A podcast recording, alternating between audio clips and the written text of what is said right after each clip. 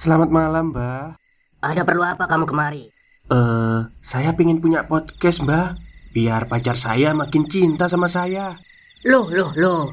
Mau bikin podcast kok tanya dukun? Sekarang kamu download aplikasi Anchor.fm. Di situ kamu bisa buat podcast gratis dan podcast kamu bisa didistribusikan ke platform mana pun. Dan di aplikasi atau website Anchor.fm juga terdapat fitur-fitur yang memudahkan kamu untuk membuat podcast. Oh, gitu ya, Mbak. Kalau gitu, saya boleh minta password wifi-nya, Mbak. Buat apa? Buat download Anchor.fm, Mbak.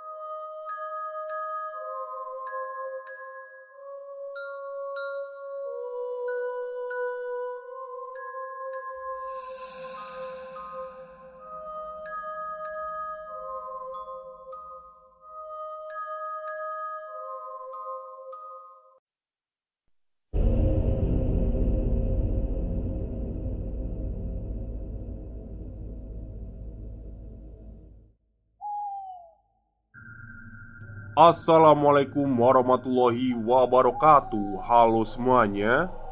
Jumpa lagi dengan saya Chow Sing Sing Kurator dari podcast Horror Night Story. Halo, apa kabar semuanya? Semoga kalian semua baik-baik saja ya.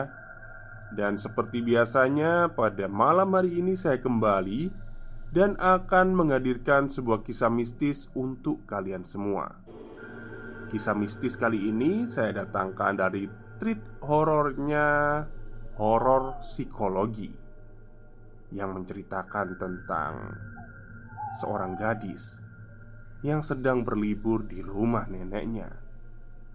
Oke daripada kita berlama-lama Mari kita simak ceritanya Halo teman-teman semua, sebut saja namaku Anita.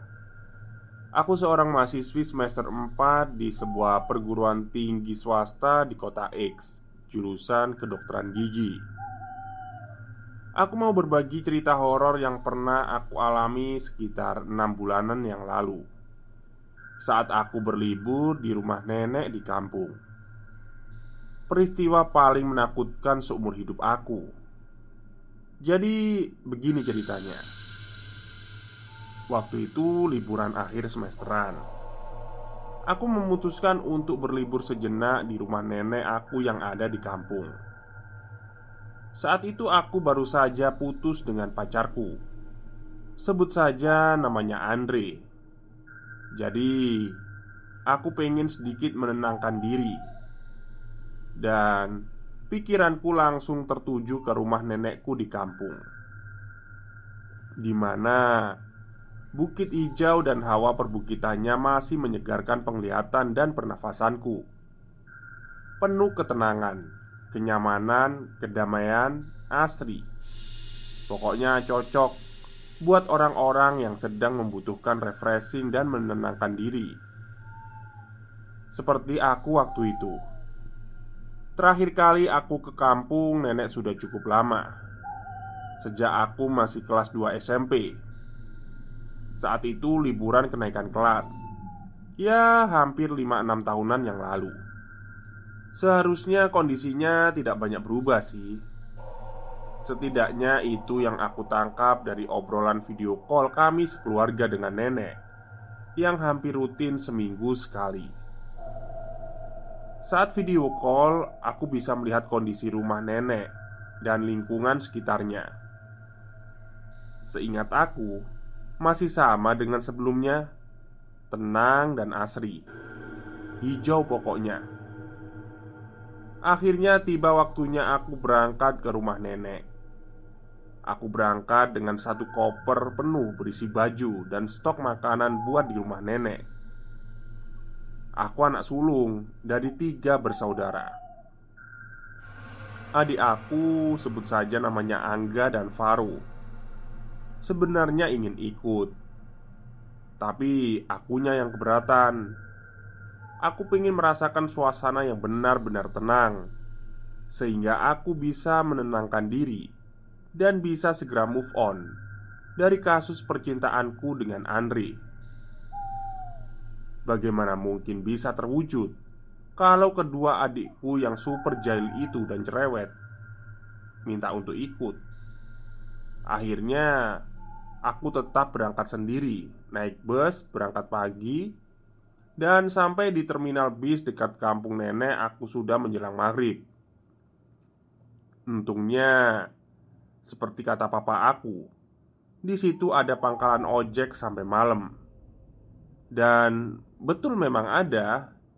Dan aku pun naik ojek sampai ke rumah nenek. Di perjalanan, tukang ojek yang kutumpangi Bang Surip namanya Beberapa kali bertanya padaku Beneran Neng, mau ke rumah itu?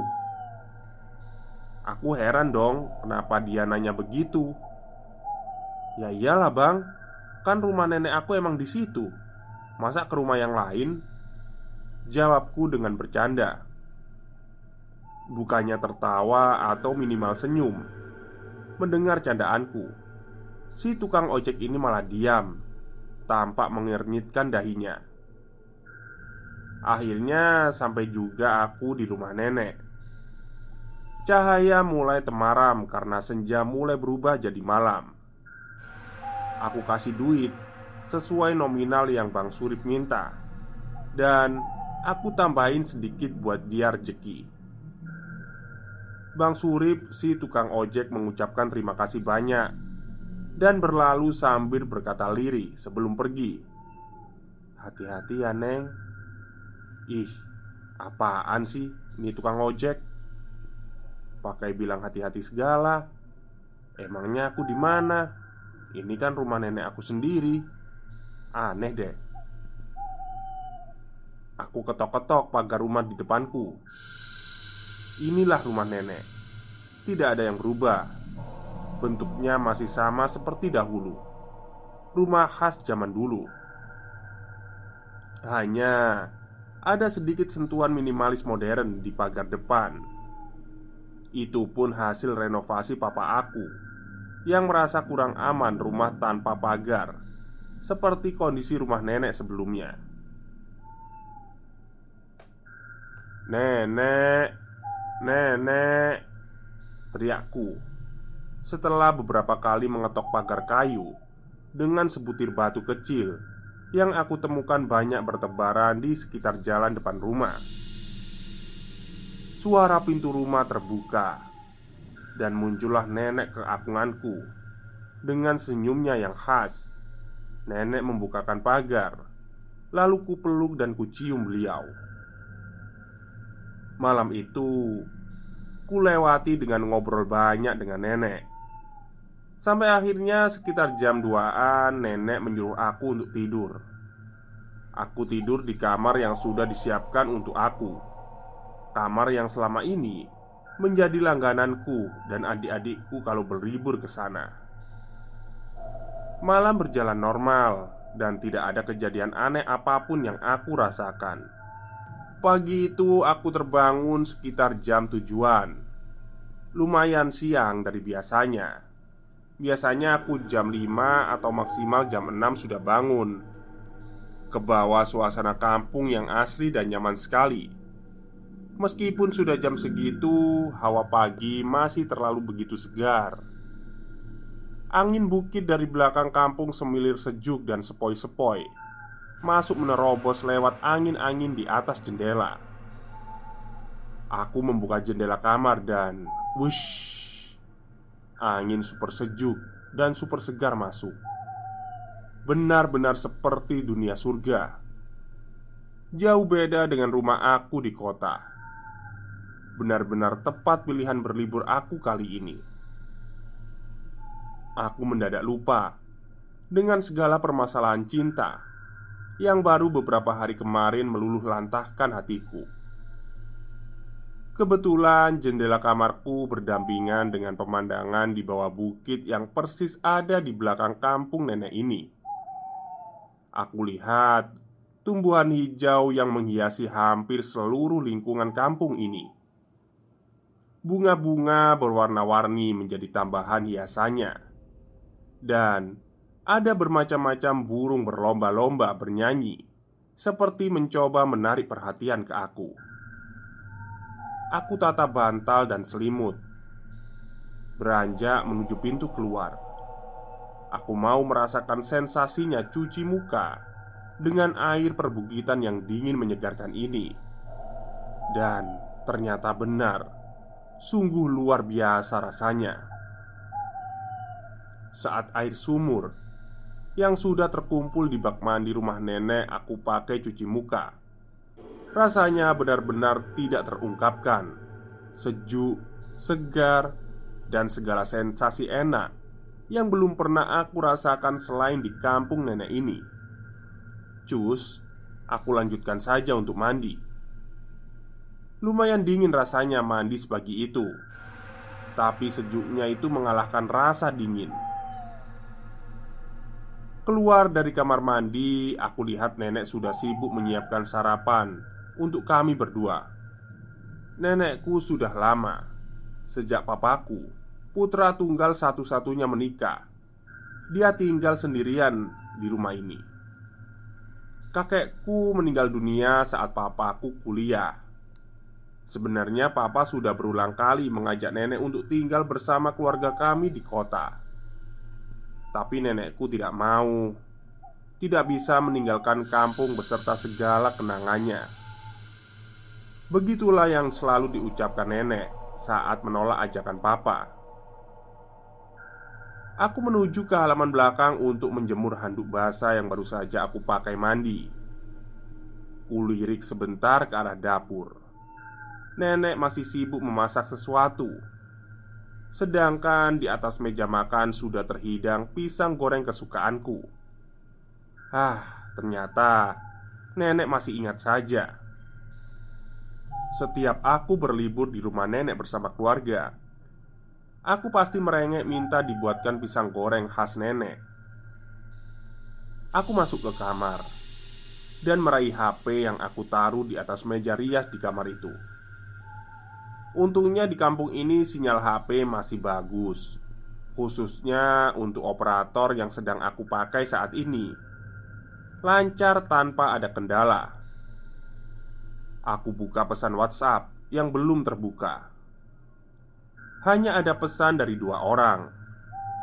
Yang satu dari papa menanyakan kondisiku di rumah nenek Dan pesan kedua dari Andre. Entah apa isinya Aku memang gak peduli. Langsung aja aku hapus. Aku selfie beberapa kali. Mumpung sudah mandi Meskipun belum dandan. Lalu Aku lihat lagi hasilnya. Lumayan bagus. Aku masih kelihatan cantik Meskipun aku belum dandan. Seperti kembang desa.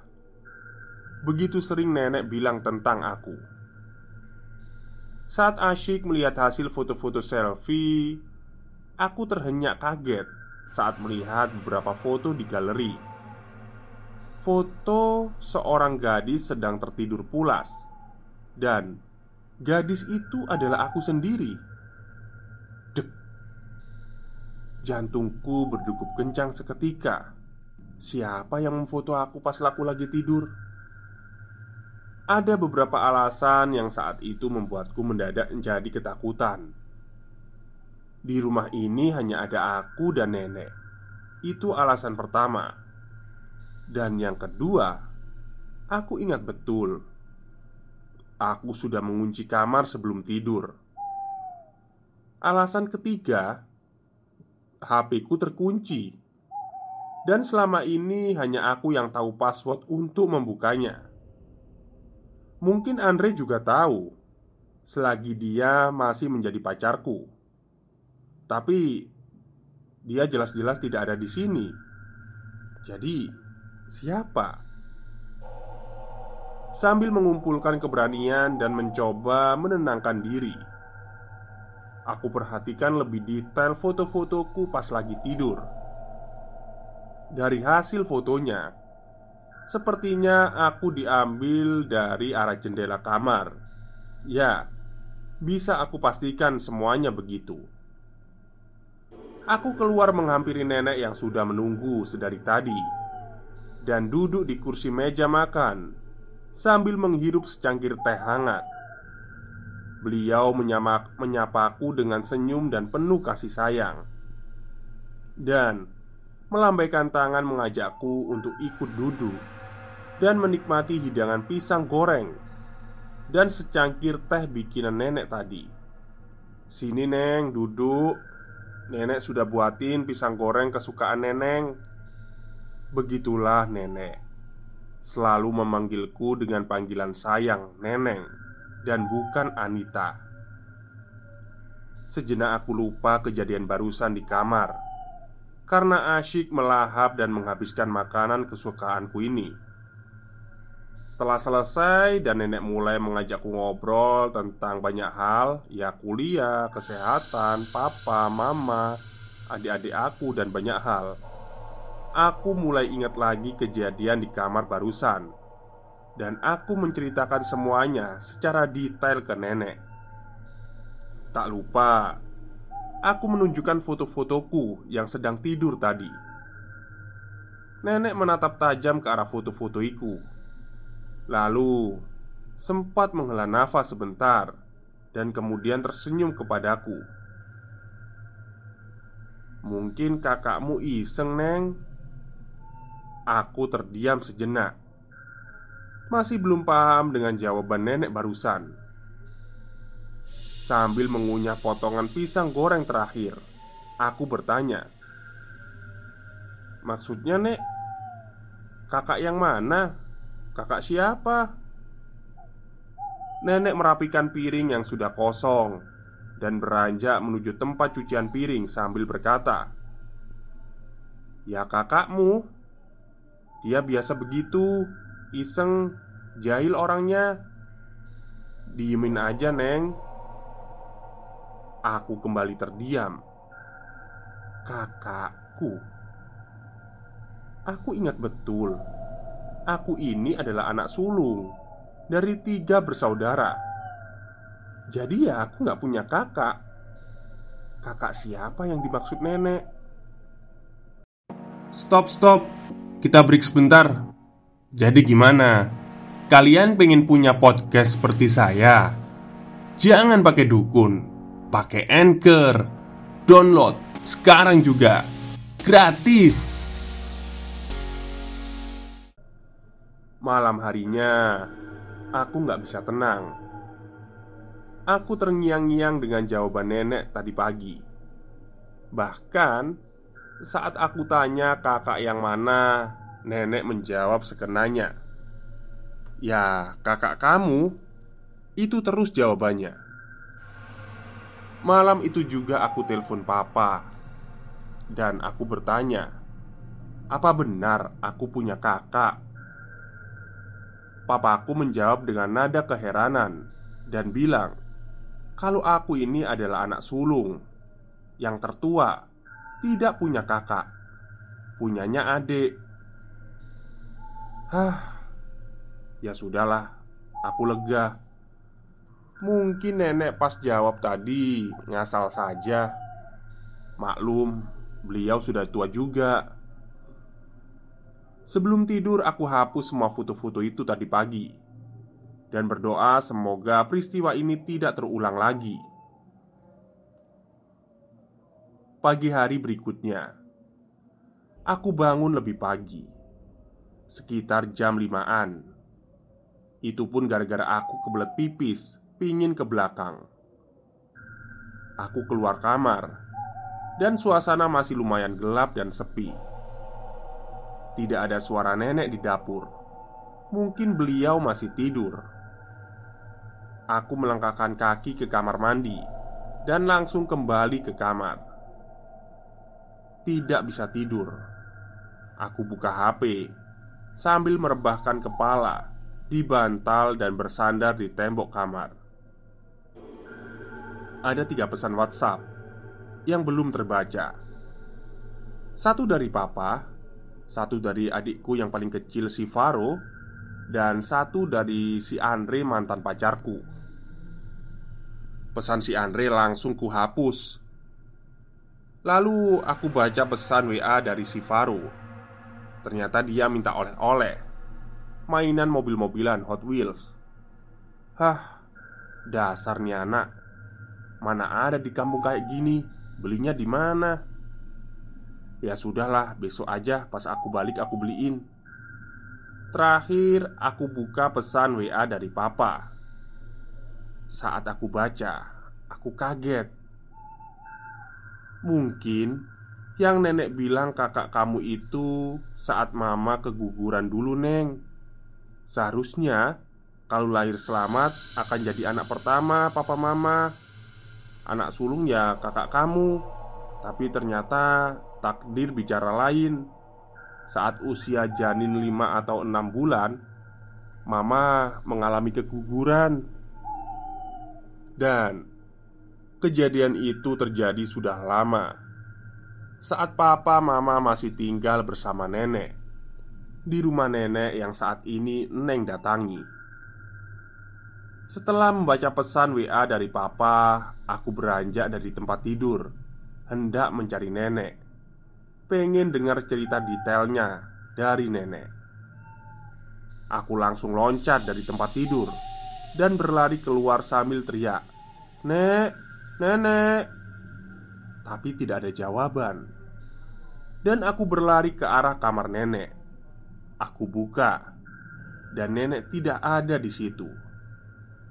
Aku panggil-panggil nama nenek berulang kali, tapi tidak ada jawaban. Mungkin nenek pergi ke pasar. Aku kembali ke kamar, dan sekali lagi aku buka HP-ku. Gak ada pesan masuk lagi. Aku lihat di galeri foto Dan Jantungku seperti berhenti tidak berdetak Saat aku Melihat ada beberapa foto baru di galeri Bukan fotoku saat sedang tidur Tapi fotoku saat aku sedang makan pisang goreng di meja makan. Aku benar-benar ingat betul kejadiannya Saat aku di meja makan. Aku datang karena nenek memanggilku Dan kami makan pisang goreng berdua Bersama-sama Sampai pisang goreng itu habis Dan nenek tidak pernah sekalipun pergi dari meja makan itu Sebelum aku yang duluan pergi Tapi Di foto-foto yang ada di galeri Siapa yang memfotonya? Hanya ada foto aku sendiri yang makan sepiring pisang goreng. Tidak ada foto nenek. Aku mendadak mengingat kata-kata tukang ojek yang mengantarku dulu. Beneran, Neng, mau tinggal di rumah ini sendirian. Hati-hati ya, Neng. Tamat. Oke. Itulah akhir cerita dari treat horornya uh, horor psikologi ya cukup membingungkan ya dan menyeramkan ya. Yang pertama kalau saya analisa ya bisa jadilah itu setan uh, mengambil gambar terus bisa dimasukkan di apa handphonenya si Neng ini. Dan yang kedua bisa jadi si Neng ini mungkin ada sedikit gangguan mental gitu ya atau kayak ya nggak tahu ya kayak mungkin ada gimana gitu. Kan ada toh biasanya di film-film horor itu kan uh, ada gangguan mental. Ternyata dikiranya pelaku lain ternyata dia sendiri pelakunya gitu. Ya pokoknya banyaklah hal-hal seperti itu Oke mungkin itu saja yang bisa saya sampaikan untuk malam hari ini. Semoga kalian semua terhibur. Selamat malam dan selamat beristirahat